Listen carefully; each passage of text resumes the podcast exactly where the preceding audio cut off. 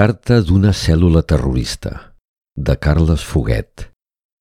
Tercer premi del segon concurs de microrelats de la Facultat de Biologia de la Universitat de Barcelona, 2018. Veu Maribel Gutiérrez, de En veu alta, enveualta.cat.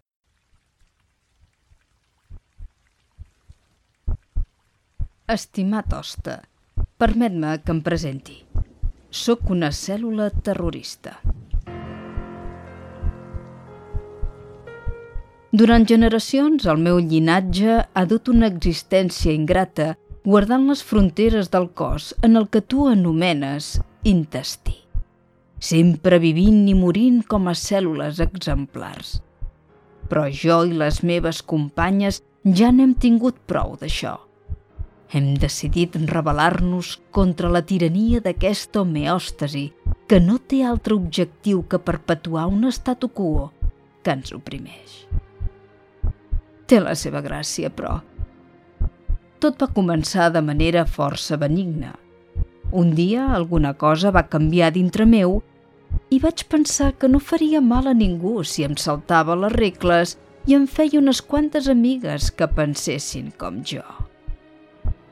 Hem progressat bastant des de llavors. No només som individualment més fortes, sinó que gràcies als nutrients que ens subministres i no saps prou com t'ho agraeixo, cada dia que passa augmentem més les nostres files. Per cert, entre tu i jo, aprofitar al màxim la glucosa està bastant sobrevalorat. És molt més pràctic fermentar-la cap a lactat estem tenint tant èxit que estem pensant expandir les nostres operacions, ja que l'intestí se'ns està quedant petit. He investigat i es veu que el nòdul linfàtic està molt ben comunicat i que des d'allà podem arribar fàcilment al fetge, que diuen que és preciós en aquesta època de l'any. Aquesta carta no és una declaració d'intencions, és una declaració de guerra.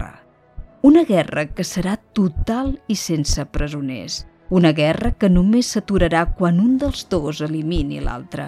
Una guerra que, tot sigui dit, cada hora que passa tens més difícil de guanyar. Post-scriptum Un consell. Si ens ataques, assegura't de no deixar ni una sola supervivent. Contràriament, Veuràs com ressorgim de les cendres preparades per oferir una resistència ferotge.